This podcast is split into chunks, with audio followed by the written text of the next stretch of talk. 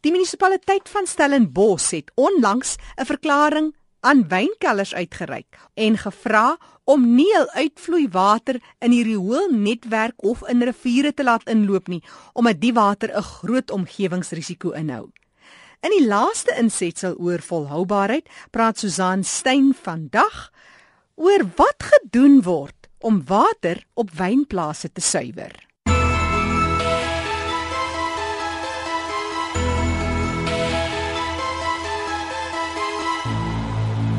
Daar word baie in die wynbedryf gedoen om wynplase meer volhoubaar te bestuur en een van die belangrike fokuspunte is waterbewaring. Baie word gedoen om byvoorbeeld die afvalwater in wynkelders tot so 'n mate te suiwer dat dit weer elders op die wynplase gebruik kan word. Dr Philip Meiburg is 'n landbounavorser by die Landbou Navorsingsraad en hy's 'n gasdosent in besproeiing van wingerd aan die Universiteit van Stellenbosch.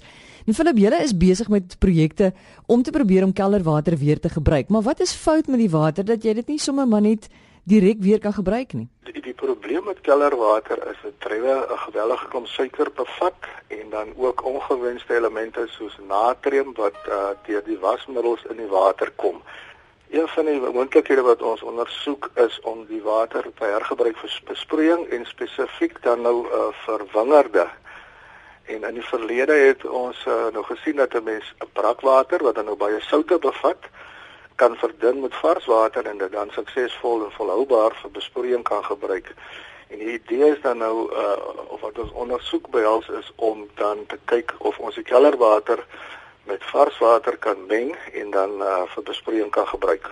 Wat is in die verlede met die water gedoen en wat was die nadele daarvan? In die verlede is die water by die meeste van die kelders maar uitgespuit op 'n kampie, 'n graskampie waar daar nou 'n bietjie skape of beeste gewei het. En uh, vorige ondersoeke het getoon dat uh, die water baie nadelig was vir die grond. En dat natrium tot 'n mate aangesamel het sodanig dat die uh, grond se tekstuur vernietig is.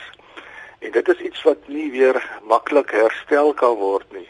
So die hele proses van besproeiing met onverdunde water kom daarop neer dat die grond beskadig word. So wanneer is daar besluit dat julle nou met projekte moet begin om die situasie te verander? Ons het in 2009 het die Waternavorsingskommissie ons gekontak om 'n projek te begin om te kyk of ons die water kan hergebruik.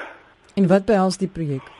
By 'n keller is ons besig om die water soos wat dit uit die keller uitkom teen verskillende konsentrasies te verdun en dan die wingerd daarmee te besproei en dan nou te kyk tot watter konsentrasie kan ons gaan voordat dan nou enige skade aan die grond eerstens of dan aan die wingerd is. So op watter manier doen julle dit nou? Die water word gemeng in groot tenke en dan met 'n normale besproeiingsstelsel of met mikrospuite op die wingerd besproei. En wat is julle bevindinge tot dusver? Na 4 jaar het ons gevind dat 'n mens uh, 'n uh, bietjie aansameling van natrium in die grond kry. Natrium beweeg of loog nie maklik deur die grond nie. Maar dit is 'n sanderige grond waar ons op die oomblik werk en ons het gevind dat na goeie winterreën, soos verlede jaar se winter, die natriumvlakke weer gedaal het tot wat dit aanvanklik was voordat ons met die met die projek begin het. So op 'n sandgrond lyk dit baie positief. Aan die wingerd se kant het dit geen effek gehad op die wingerd se groei nie as ons dit nou so vergelyk met wingerd wat met, met gewone skoonwater besproei is dat dit nie die produksie beïnvloed nie. En die belangrikste ook amper op einde van die dag is dit het geen effek op die wyngehalte gehad en dis nou die sensoriese eienskappe van die wyn. En dan die belangrike ding is dat ons deur die kellerwater gebruik om 20% van die wingerd se besproeiingsbehoeftes kan voorsien. So dis 'n 20% water uh, wat uit die natuurlike hulpbronne onttrek word vir besproeiing En hoeveel liter is dit min of meer? Dit kom daarop neer dat ons so 1200 uh liter water kan spaar van die besproeiingswater per hektaar. So as jy mens nou met die aantal baie hektaar of met 'n volle dan is dit 'n beduidende hoeveelheid water wat bespaar kan word. Watter ander voordele hou dit in? Kyk, as jy net slegte goed in die water nie, daar is ook elemente wat kan dien as voedingsstowwe soos fosfaat en uh, stikstof en kalium wat die wingerd of die plante dan wel kan opneem en wat dan 'n besparing op die bemesting sal meebring. Is daar beperkings van hierdie benadering? Ja, die aanwending van hierdie benadering op uh, swaarder gronde, met ander woorde lemerige grond en kleierige grond kan probleme veroorsaak uh, waar jy nie behoorlike uitloging van die natrium gaan kry nie en dat dit dan oor tyd gaan aansamel en die, en die grond groot skade kan berokken. Is daar ander projekte waarmee jy besig is om jy weet uiteindelik die water so te kan suiwer met hernubare energiebronne sodat jy so min as moontlik water gebruik en ook so min as moontlik energie? Nie op hierdie stadium nie. Wat ons wel na begin kyk het is die gebruik van gewasse wat nie so gevoelig is vir vir elemente soos natrium nie, die sogenaamde halofiete en dat 'n mens dan sodanige gewasse plant en die water die natrium wat toegedien word deur die grond onderskep en dan daai gewas verwyder en as 'n voer gebruik vir diere. Philip, dankie. Is Dr. Philip Meiburg, hy's 'n landbounavorser by die Landbou Navorsingsraad en 'n gasdosent in besproeiing van wingerd aan die Universiteit van Stellenbosch.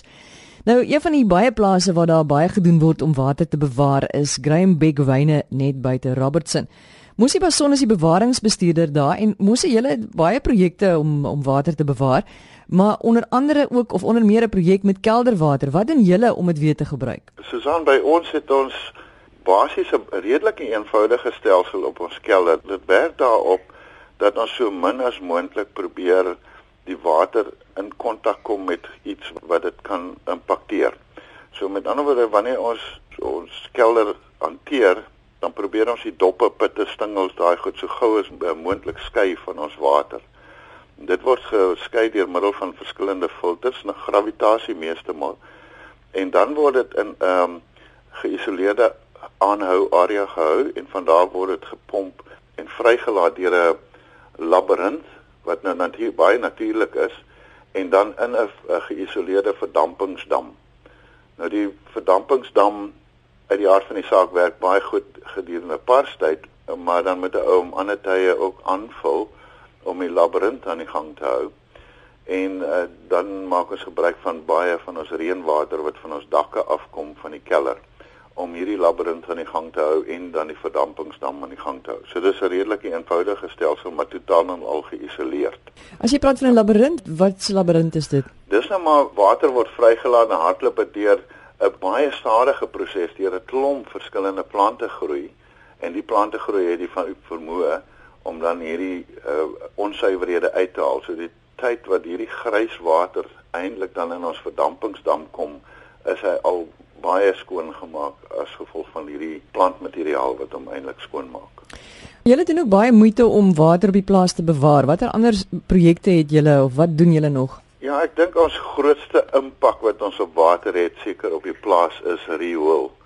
Omdat ons met uh, 100 huishoudings sit, ons sit met kantore en kleuterskole en nasorgsentrums en skills development sentrums en al daai tipe goed. Dis in hierdie goed het nogal die vermoë om redelike klomp riool te genereer en riool het die vermoë om grond baie baie nadelig te kontamineer. So al ons rioolstelsels is geïsoleerde stelsels op die oomblik. Dit het ons so 'n hele klompie jare gevat om dit reg te kry en werk uit of 4 of 6 of 8 kamers waar die soliede aspekte dan kan afsak en dat ons dan ons gryswater uitpomp of graviteer of aanry in baie gevalle na 'n uh, organiese anorganiese riool aanleg waar die water skoon gemaak word. So op daai manier maak ons op hierdie stadium omtrent so 3 miljoen liter water skoon in 'n maand wat teruggegee word aan die natuur en daai water word gemoniteer natuurlik en dit is skoner as die water wat ons uit die Brede rivier uit sou pomp. So dis 'n baie goeie manier om seker te maak dat ou nie jou grond kontamineer nie. En dan natuurlik het ons die aspekte van werkswinkels, olies en griese en daai goede. So dit is ook op geïsoleerde aanlegte waar dit gehanteer word. En alle water wat van daar af spoel sal binne in stelsels inspoel waar ons afsakking en verdamping gebruik en dan ook ons olies en griese weer kan uithaal en wegstuur vir veilige behandeling.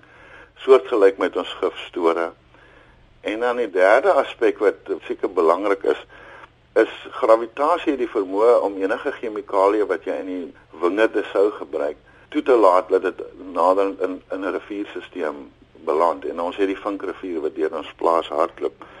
So jou beste natuurlik daar is om chemikalie so ver as moontlik te vermy. So daartoe in die laaste 6 jaar daan geslaag. Ons gebruik nou so 78% minder chemikalie in ons wingerde Maar dan is dit ook belangrik om bufferzones in te stel tussen jou verbouingsareas en jou rivier om seker te maak dat hierdie goedes nie daarin beland nie.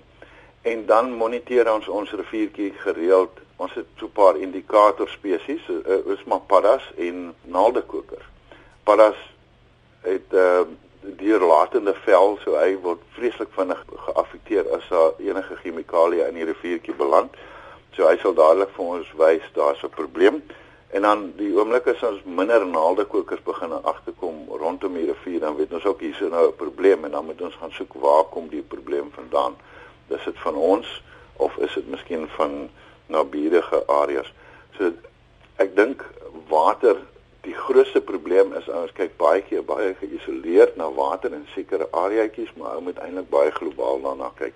Enige ander projekte wat jy het? O, jong, ja, nee, hier is uh, letterlik sekere duisend omgewingsprojekte wat aan die gang is nie net met ons rivier nie maar ons het ook 'n stelsel aan die gang hier waar ons vir elke hektaar wat wat ons opboer bewaar ons 4 hektaar natuurlike veld en dan ons en ons bure het saam die Rooiberg Brederrivier bewaar area aan die gang en as 'n groep boere hierso so 26 van ons bewaar ons op hierdie stadium omtrent so 13.500 hektaar van 'n baie interessante gedeeltetjie van die sukkulente Karoo ekosisteem. Dis nou die deeltjie wat so tussen die fynbos vasgedruk word en die Karoo aan die ander kant.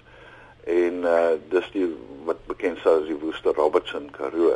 En, en ons is nogal 'n redelike klompie uh opgewonde klomp grondeienaars hier om daarna te kyk om daai bewaring ook in stand te hou. Musi baie dankie. Dit is Musi Bason. Hy is die bewaringsbestuurder by Grahambeck Wyn. Nou, julle weet nou al, al ons gaste se kontakbesonderhede is op RSG se webwerf www.rsg.co.za. Dit is die laaste van ons insetsels oor volhoubaarheid in Ekoforum. Baie dankie vir die saamluister, vir julle goeie terugvoer en ja, laat ons almal ons bes doen om so volhoubaar as moontlik te leef om die planeet te bewaar vir ons nageslagte. Totsiens.